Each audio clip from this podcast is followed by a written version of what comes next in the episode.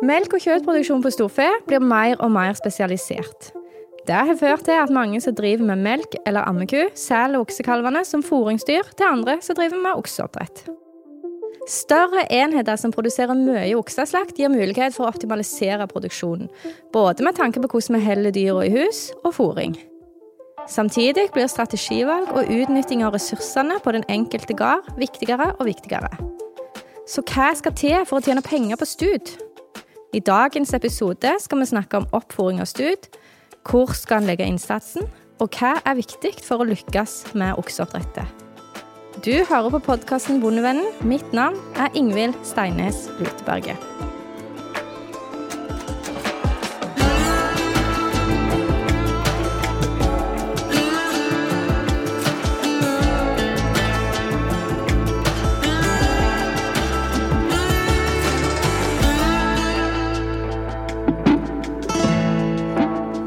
Podkasten Bondevennen blir presentert i samarbeid med Sparebank1 SR-Bank og Tveit Regnskap.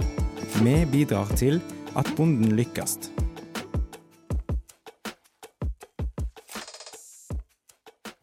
Først så tar vi litt basic. Hvor godt betalt du får for okseslakte, blir avgjort av slakteklasse, vekt og prisløyper hos slakteriet for de ulike kategoriene slakt.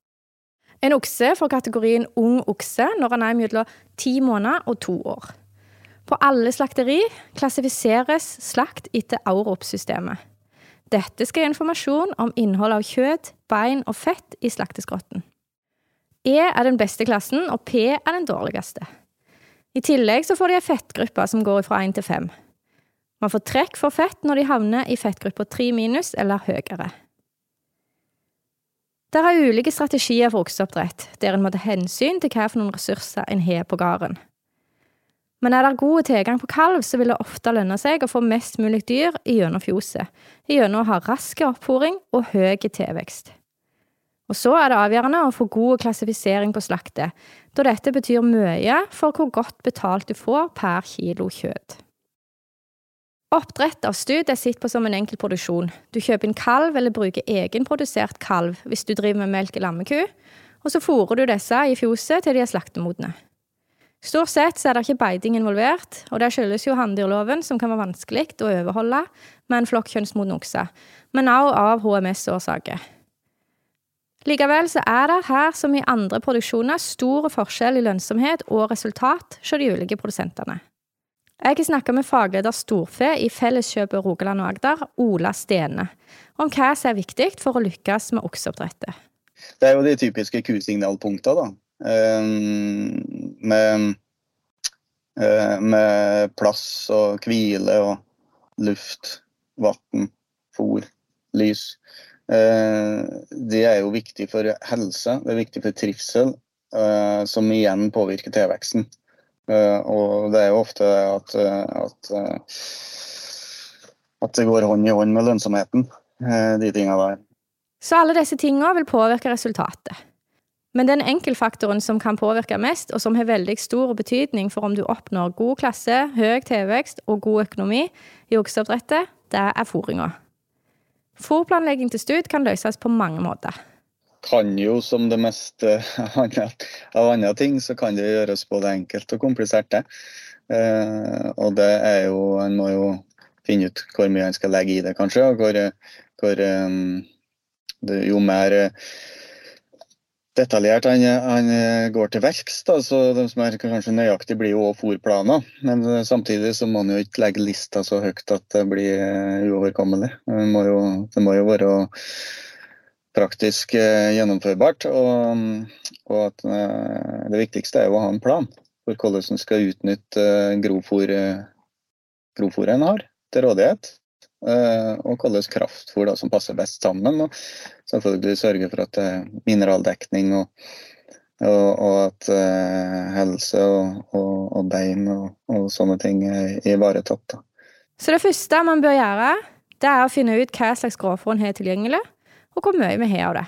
På bruk der en driver både med melkeproduksjon og okseoppdrett, så blir ofte det beste grovfôret prioritert til molkekyene litt viktig å huske på at uh, oksene de utnytter godt grovfôr veldig bra.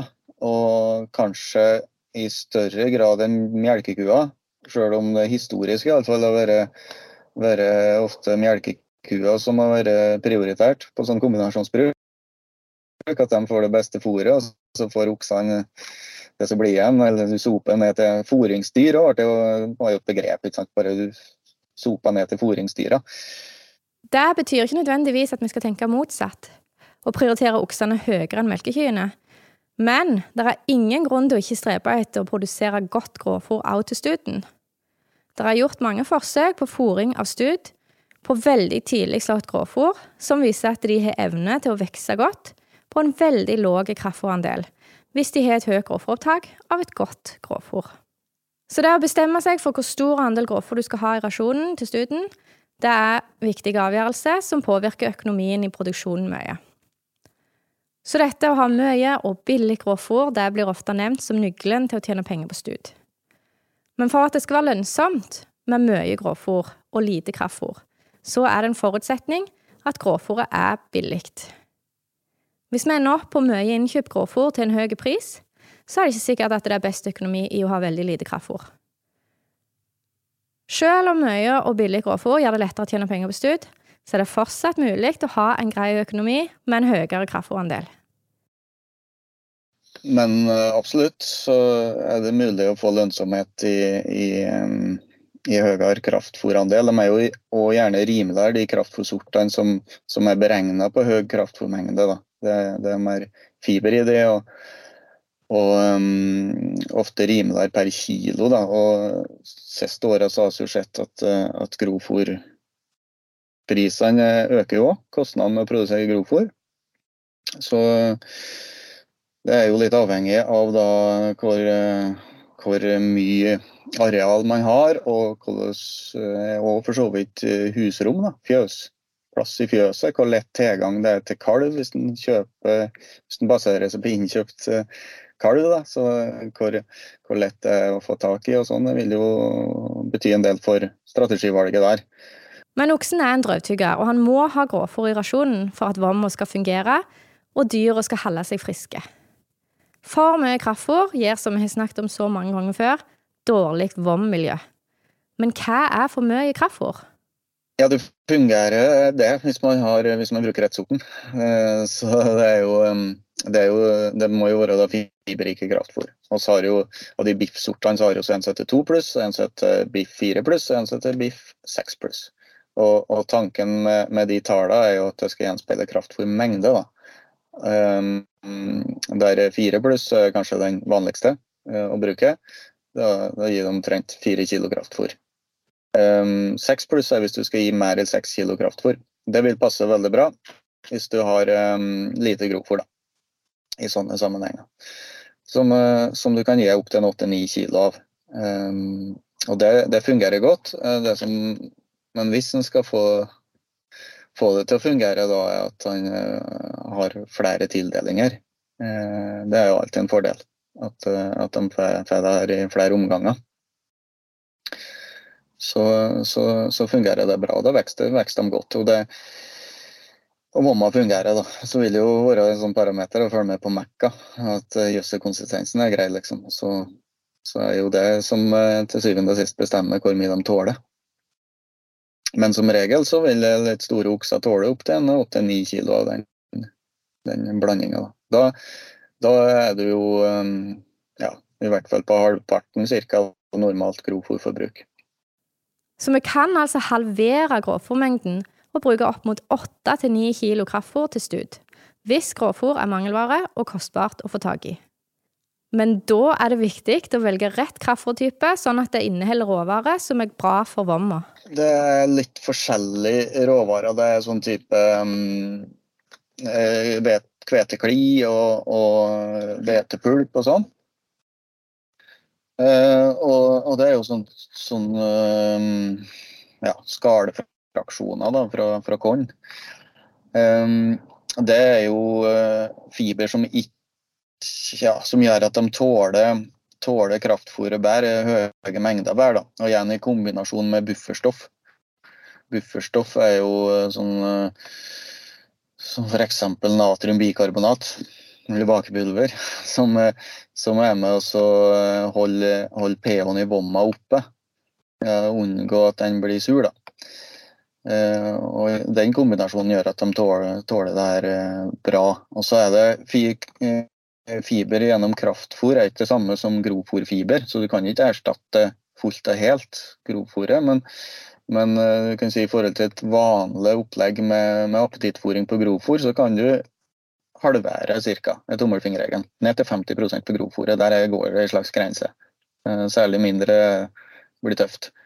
Men for da, da, trenger du den fysiske størrelsen på fibra eh, som grovfòret har, som, som ikke kraftfòret har. da.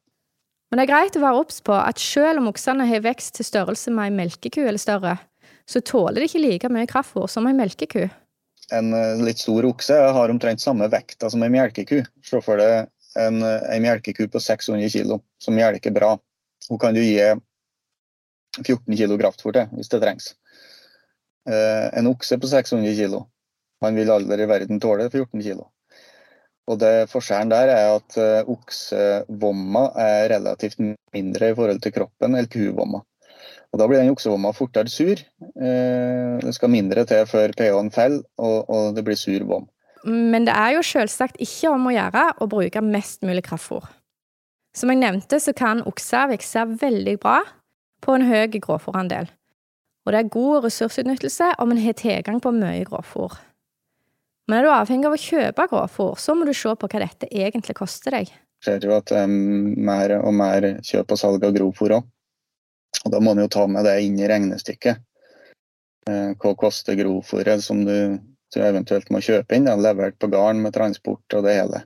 Um, veier det opp mot kraftfôrprisen. Å kjøpe grovfôr er krevende. Det er ikke alle som selger med fôranalyse, og som vi har snakket om så mange ganger før, så varierer innholdet av tørrstoff og energi enormt. Jeg anbefaler ingen å kjøpe romballer uten å vite hva det inneholder, men Ola har en tommelfingerregel for hva du kan betale for en rundball, før det heller lønner seg å redusere på grovfòret og kjøpe fiberrikt kraftfôr i plassen. Når du skal kjøpe grovfòr og, og, og, når det er lønnsomt på et vis, så kanskje en, en grei tommelfingerregel kan være at du, det er jo en rundball som blir omsatt. Um, rundballene kan jo variere i både vekt og størrelse, men, men ofte da, er det en stand mellom 200 og 250 kg tørrstoff i en rundball. Um, har du, ja, Er rundballen 800 kg og den er på 25% tørrstoff, så er det 200 kg tørrstoff i det. Men det kan være mer enn mindre. Uh, det kan du som vi var inne på her litt tidligere, det går an å halvere grovfòrforbruket med å bruke kraftfôr, fiberrikt kraftfôr. Eh, skal du erstatte de 200 kiloene med tørrstoff med, med kraftfôr, så vil det koste litt i overkant av 1000 kroner. Og, og Det er et greit eksempel å, å bruke da, som en slags skjæringspunkt for uh, hva du kan betale for grovfòret. Uh, du må i hvert fall få det rimeligere enn det levert med transport og det hele på gården. Uh, så må du kanskje òg legge inn en, en eh, margin der på at det vil jo igjen være litt mer svinn på grovfòret. Det er litt mer arbeid. Du skal håndtere plastikken og, og, og, sånn. Og det er mer stabil kvalitet da, på, på kraftfòret. Så, så, det må inn i det regnestykket der. Så, så, så, det tenker jeg er et greit utgangspunkt å bruke når det lønner seg. Hva kan du betale for en rundball? Eh, det må iallfall ikke overstige 1000 kroner.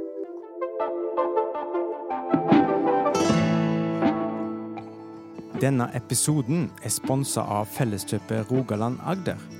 Felleskjøpet arbeider hver dag for din lønnsomhet som bonde, og for lokal og norsk matproduksjon. Ta kontakt med en av våre konsulenter, eller gå inn på nettsidene våre bondekompaniet.no. Har du tilgang på mye gråfòr og vil bruke minst mulig kraftfôr i rasjonen, så er det viktig å sørge for et høyt gråfòropptak. Det nytter ikke å ha mye gråfòr hvis ikke de får det i seg. Ja, det er jo de dyra som ligger og tygger drøv, da, som vokser fortest. Det forutsetter at de, at de fyller vomma. Ikke sant? Da har de masse energi som de skal omsette til å vokse.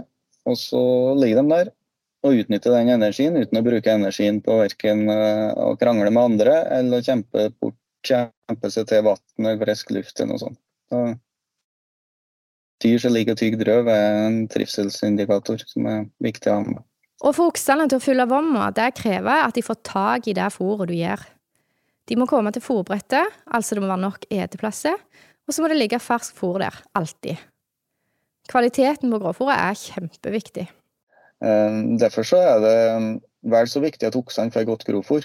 Eh, da tenker jeg på um, fordøyeligheten, eh, at det er godt konservert, lite gjæringsprodukt og kutting f.eks.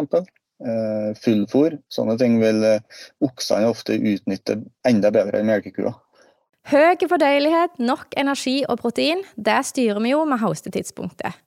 Hør gjerne episoden 'Når skal vi slå?' hvis du vil ha en repetisjon av dette. Men selv om det er viktig for høyt fôropptak, så er gjæringskvaliteten enda viktigere. Eh, og så tror jeg at det viktigste i den sammenhengen her, og for å utnytte best mulig, det er også at grovfôr er godt konservert. Det er en voldsomt viktig del av det med grovfòrkvalitet. Eh, det enten godt fortørka, eller at ensilæringskvaliteten er bra. Da. At du har lite gjæringsprodukt og eh, i hvert fall ikke noe feilgjæring. Men sånne ting eh, det, det skipler fôrstrategien ganske mye da, hvis, det, hvis, du har sterk gjæring. Det går både utover smakeligheten og fôropptaket, og det, det, det er med å forringe miljøet i vomma. Da. Kutting det kan vi jo gjøre med slått, med å bruke en finsnitter eller med hjelp av en rundballkutter eller fullforblander. For å få så god kutting som Ola snakker om her, så er det best med en fullforblanda. Og hvis vi først har en sånn tilgjengelig på bruket, så er fullfòr en veldig god idé til studen. Det vil si å blande kraftfòret i lag med grovfòret. Hvis du mikser det i hop, så får du fordelt kraftfòr utover hele døgnet. Eh, og det har oksevomma veldig godt av. Da, da vokser de veldig fort. I tillegg så så eh, vil jo et sånt fullfòrregime gi eh, mindre konflikter enn oksebinge. Oksene har jo en tendens til å krangle hvis det er noe å krangle om. Og kraftfòrtildeling er jo en sånn typisk ting det går an å krangle om. Eh, hvis du blander det sammen i grovfòr og kraftfòr, så, så, fjerner du det elementet. I hvert fall hvis, du, hvis de ikke klarer å sortere ut kraftfòret noe særlig. Ja, nå finnes det jo, har jo noe ekspandat som vi bruker å blande inn i, i grovfòr. For å lage, lage et godt fullfòr, og det fungerer veldig bra. For selv om stuten kan vokse godt på bare grovfôr, så er det ofte behov for å gi litt kraftfôr, selv om kvaliteten på grovfôret er topp. Hvis du har eh, en sånn strategi, da, så det jo, eh, vil det jo få mye av energien og proteinet fra grovfôret. Eh, og det du da må supplere, supplere mm, via kraftfôret, da, er at de trenger litt stivelse. Og så er det litt protein uh, av en litt annen kvalitet enn det som er i, i uh, grovfòret. Og så er det med vitaminer og mineraler. Og Da må man velge en kraftfòrsort som er tilpassa den strategien.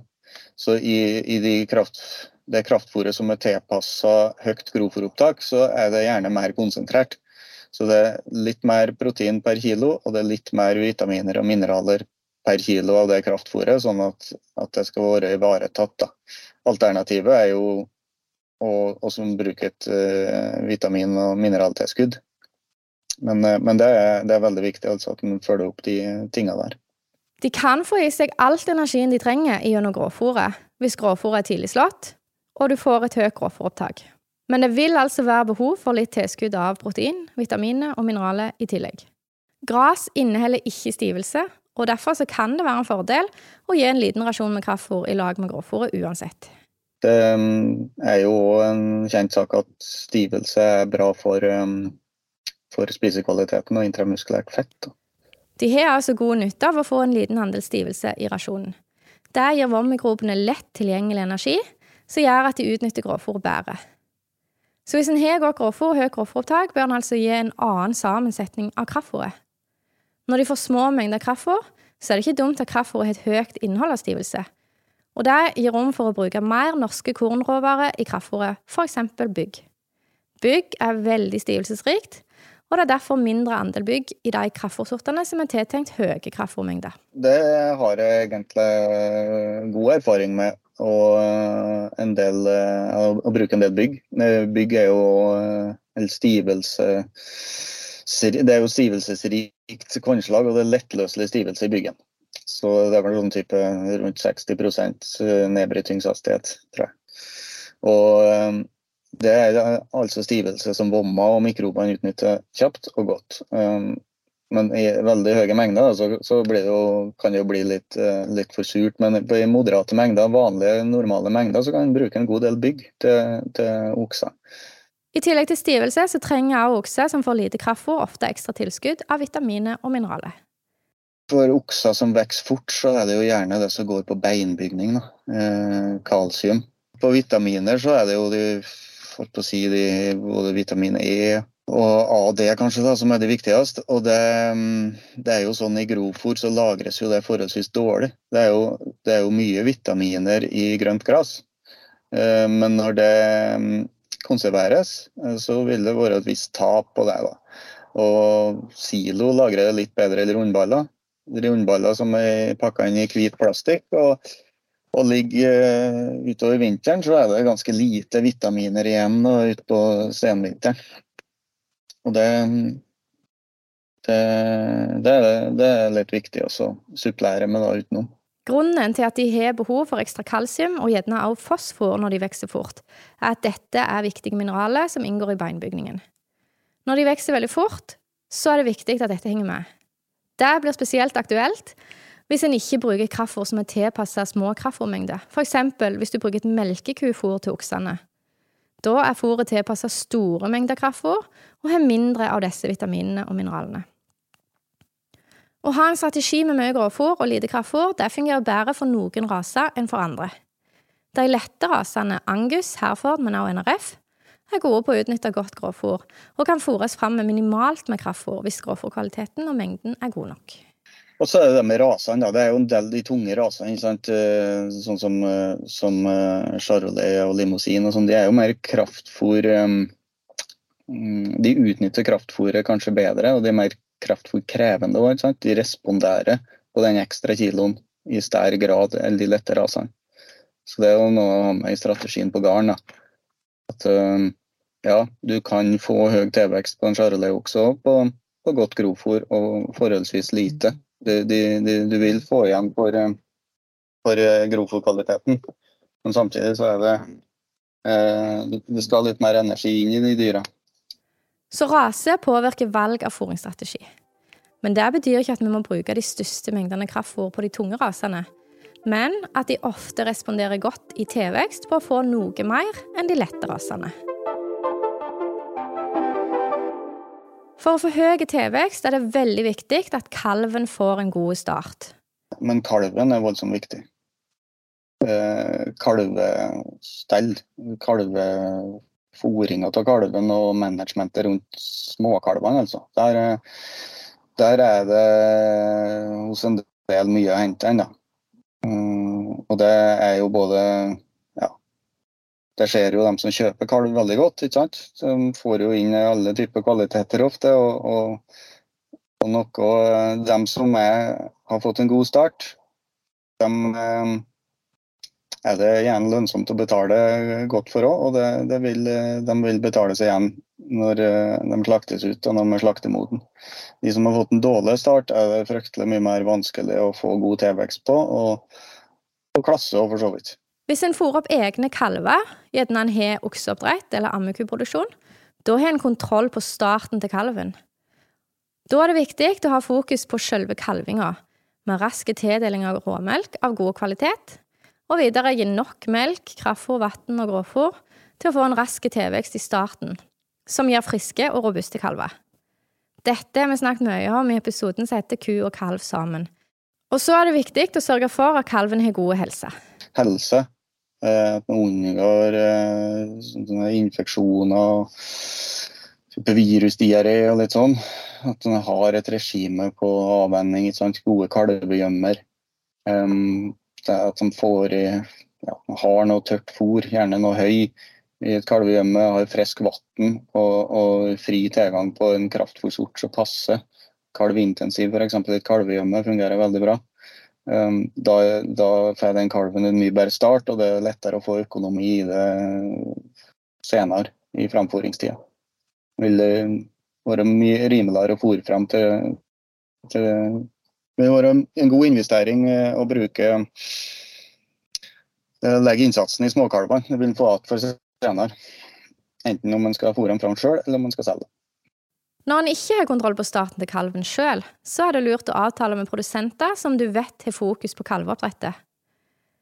Det kan være vanskelig å vurdere, men det viser seg i kalven sin størrelse i forhold til alder, at han er god og rund over ryggen og blank i pelsen når du får han. Når kalvene er avvent ifra melk og godt i gang med drøvtygginga, så er det viktig å ha fokus på oppstallingsforholdene. De må ha nok vann, nok plass, både til å ligge og med fòrbrettet, og god ventilasjon. Så, så har det jo sånne ting med forholdene rundt fòrbrettet, at det er plass for alle til å ete samtidig. Um, jeg nevnte litt på det at hvis oksene har noe å krangle om, så gjør de det. Uh, og hvis det er noen som ikke får plass ved fòrbrettet, så det, blir det vinnere og tapere. Da, og, og, knuffing og, og større, ja, større risiko for uh, type beinproblemer, skader kanskje. Og, og, og det er òg sterk forskjell på tilveksten på de ulike dyra. Så det, så det tror jeg er viktig. Og, og vann, det har oss jo stort sett rikelig av her til lands. Så det er viktig å få i at alle har tilgang på vann til enhver tid. Og de drikker jo mer enn en skulle tro. Eh, har jo en tendens til å ta vann som en selvfølge. ikke sant? Eh, trenger avhengig av størrelse og sånn, men det går jo fort en 30-40-50-60 liter i, om dagen. Det er mye, det. Eh, og da er det jo kunsten at en får i seg det vannet så effektivt som mulig, uten å slippe å krangle med de andre i bingene. Mange har hatt slanger med drikkenippel til stud. Det gir ikke nok vann raskt nok til at de drikker det de skal, og det kan tape tilvekst. Drikkekar er mer effektivt, men det krever mer renhold. En annen ting de kan tape tilvekst på, er hvis de må bruke energi på å kvitte seg med overskuddsvarme. Og kanskje det mest typiske eksempelet er jo dyr som er temperatur. Da. Ventilasjon, ikke sant. Gått, gått ute om sommeren og fått litt langt i ragg når de kommer inn til høsten, så, så bruker de mye energi på å kvitte seg med overskuddsvarme. Og Den energien bør de jo heller bruke på å, å bygge muskler og vokse. Eh, kjempeviktig. Det kan være utrolig god timesbetaling i å klippe kalvene når de eh, kommer inn. Um, uh, I tillegg til at ventilasjon i fjøset er jo, er jo viktig da, for å, å, at de mest mulig effektivt skal, skal bli kvitt overskuddsvarmen. Og det har jo med dyretetthet å gjøre. ikke sant? Og så må vi sørge for at bingene er en god plass å være. En godt utforma liggebås tilpasset oksens størrelse har positiv effekt på tilveksten. I tillegg til at de heller seg reine. Og så har du jo sånn type ja, helse går jo Det blir jo litt sånn indirekte effekt på, på tilvekst. Men har du vondt i beina, så, så, ligger du litt lenger før du går bort til fòrbrettet og spiser, og da, da, går du utover tilveksten. Så det blir jo sånn type underlag og sånn viktig. Og renhold, ikke sant. Tørt. Underlag er viktig. Fullspaltebinge er fortsatt vanlig til stud, selv om flere og flere bygger med liggebås når de bygger nytt. Det fins ulike underlag man kan legge oppå spaltene for å få mjukere gulv å ligge og stå på f.eks. gummispalte eller grønne gulv.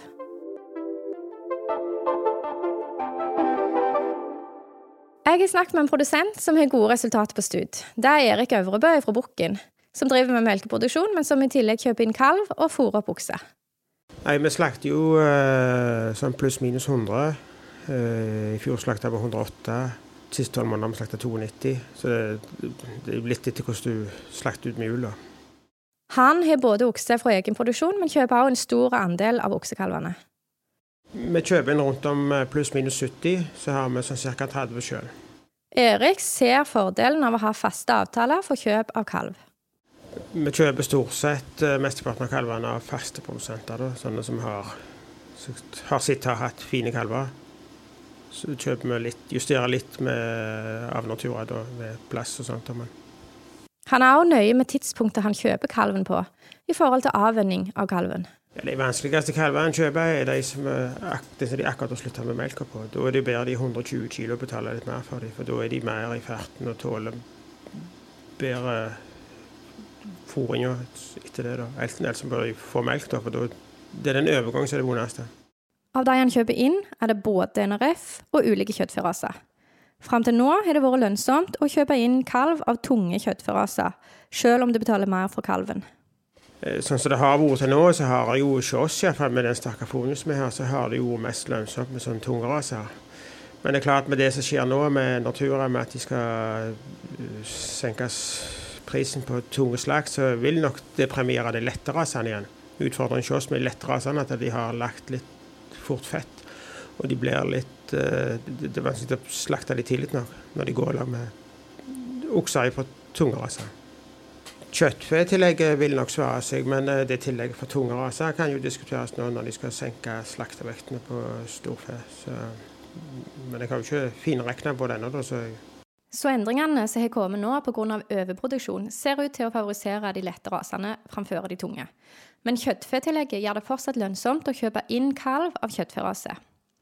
Dette vil svinge litt, alt etter hvor situasjonen er i markedet. Men resultatene til Erik de siste åra, de er gode. Jeg ser at slaktevekta sjøl siste tolv månedene er 359 kilo. Og da har vi slakta de på 15,8 måneder med 689 gram i tilvekst. Og det, ja, det er helt greit, altså. Vi burde sikkert hatt som mål å komme over 700 gram, men av og til så syns jeg det er like å ha som mål å beholde de tallene du har. Så. Helt greit, det er ikke å ta i akkurat. Dette er svært gode resultater når gjennomsnittet er 689 gram slaktetilvekst om dagen. Det betyr jo at de har en økning i levendevekt på over 1300 gram per dag, i gjennomsnitt på tvers av alle de rasene han har. Jeg spør Erik om hva han mener er det viktigste for å få det til. Ja, jeg syns at uh, tilveksten til å begynne med uh, har voldsomt mye å si for resultatet på slutten. Da. Spesielt det med klasse. da. Hvis du får, uh, får de runde, fine bryggene god tilvekst fra seks til ni måneder, så ah, får du stort sett over O pluss på NRF-en og god klasse på de andre. Å få til høy tilvekst fra 0 til 9 måneder er altså avgjørende. Han ser tydelig at kalvestellet og hvordan han fôrer kalven, har betydning for å lykkes med det. Jeg syns kalvene er blitt finere etter vi begynte å gi mer melk. Altså, nå gjør vi åtte til ti liter, og vi gjør de i sju-åtte uker før vi begynner å trappe de ned. og du, du får jo en større kalv som tåler mer med avvenning og flytting og sånn. etter. Og eh, bedre tilvekst både på oksene og kvigene er jo like viktige. da. Du kan jo begynne å inseminere dem litt tidligere når du får bedre tilvekst på dem. Når kalven får mye melk, så er han mer robust. Han får dekka energibehovet sitt, både til vedlikehold og tilvekst, og så har han overskuddsenergi til å opprettholde et godt immunforsvar. Erik har de ute en periode etter avvenning for å unngå smittepress. Ja, etter vi er ferdig med melka på dem, så tar vi de ut i en eh, gammel garasje da, og har de på halm der til de blir en eh, ja, fire til seks måneder alt etter plassen. da, Før vi tar de opp i det oksefjoset, eller inn i nye kufjoset. eh, Og det gjør vi jo for å dempe smittepresset. da. Før når vi hadde de rett tilgang inn, så sto de der og hosta. Og hadde, hadde de der vanlige luftveissykdommene. Og det er jo blitt nesten helt vekke nå etter, vi, etter de ble større når vi tok de inn. Erik ser forskjell på oppstalling med og uten liggebås. I det nye fjoset så har han liggebåser i kvigeavdelingen, og i oksefjoset så har han fullspaltebinger. Ja, jeg syns jeg ser de, de, de studiene som blir gående i den kvigeavdelingen på sommeren eh, i det nye fjoset. da. Jeg, jeg har jo ikke målt tilveksten på de i forhold til de som går opp i det der oksefjuset, men jeg syns de ser eh, finere ut. Når de eller de andre. Når det gjelder fôringsstrategien, så har ikke Erik mer grovfôr enn det han trenger. Han er derfor avhengig av å bruke en ganske høy kraftfôrandel i okseoppdrettet. Det som er viktig da, det er jo som jeg har nevnt tidligere her, å dele porsjonene utover i døgnet og følge godt med på magene til dyra. Og sørge for nok vann. Ja, det er jo viktig med rent vann. Vi går jo en eller to ganger til dagen, og så ser jeg drikker og auser dem. Og så har de for løs mage, så stopper jo tilveksten. Så vi prøver jo å justere fôringen etter magen, da. Men han får allikevel økonomi i studene, selv om han bruker en god del kraftfôr. Ja, jeg tror eh, tilveksten har like mye å si for økonomien som fôrprisen, da. Så bare hvis du klarer høy tilvekst, så kan du betale høyere pris på fôret. Nå har vi hørt mye om ulike faktorer som skal til for å lykkes med stud. Det er lønnsomt å ha mye og billig grovfôr, men det er også mulig å få økonomi på en høyere kraftandel, så lenge en får til god tilvekst og klasse på slaktet. Da er det avgjørende med raske tilvekst fra 0 til 9 måneder. En stor okse kan tåle opp mot 8-9 kg kraftfôr, og man får et kraftfôr som er tilpasset grovfòrkvaliteten og mengden. Det er viktig å sørge for et godt vårmiljø og rett sammensetning av fôringa. Med høy grovfòrandel må vi passe på at de får litt stivelse, rett mengde og type protein, og vitaminer og mineraler. Høyt grovfòropptak krever at vi alltid fôr på fôrbrettet, og at vi unngår kamp om fôret mellom oksene i bingen. Starten er viktig, så legg innsats i kalven. Du har på podkasten Bondevennen. Mitt navn er Ingvild Steines Luteberget, og til daglig så jobber jeg som rektor ved Vinterlandbruksskolen i Ryfylke. Dette var siste episode i denne omgang. Tusen takk for at du har fulgt med oss. Har du spørsmål eller tilbakemeldinger til podkasten, så må du gjerne sende en e-post til podkast.bondevennen.no. Episoden er spilt inn i ABC Studio i Etne. Lyd ved Stig Morten Sørheim.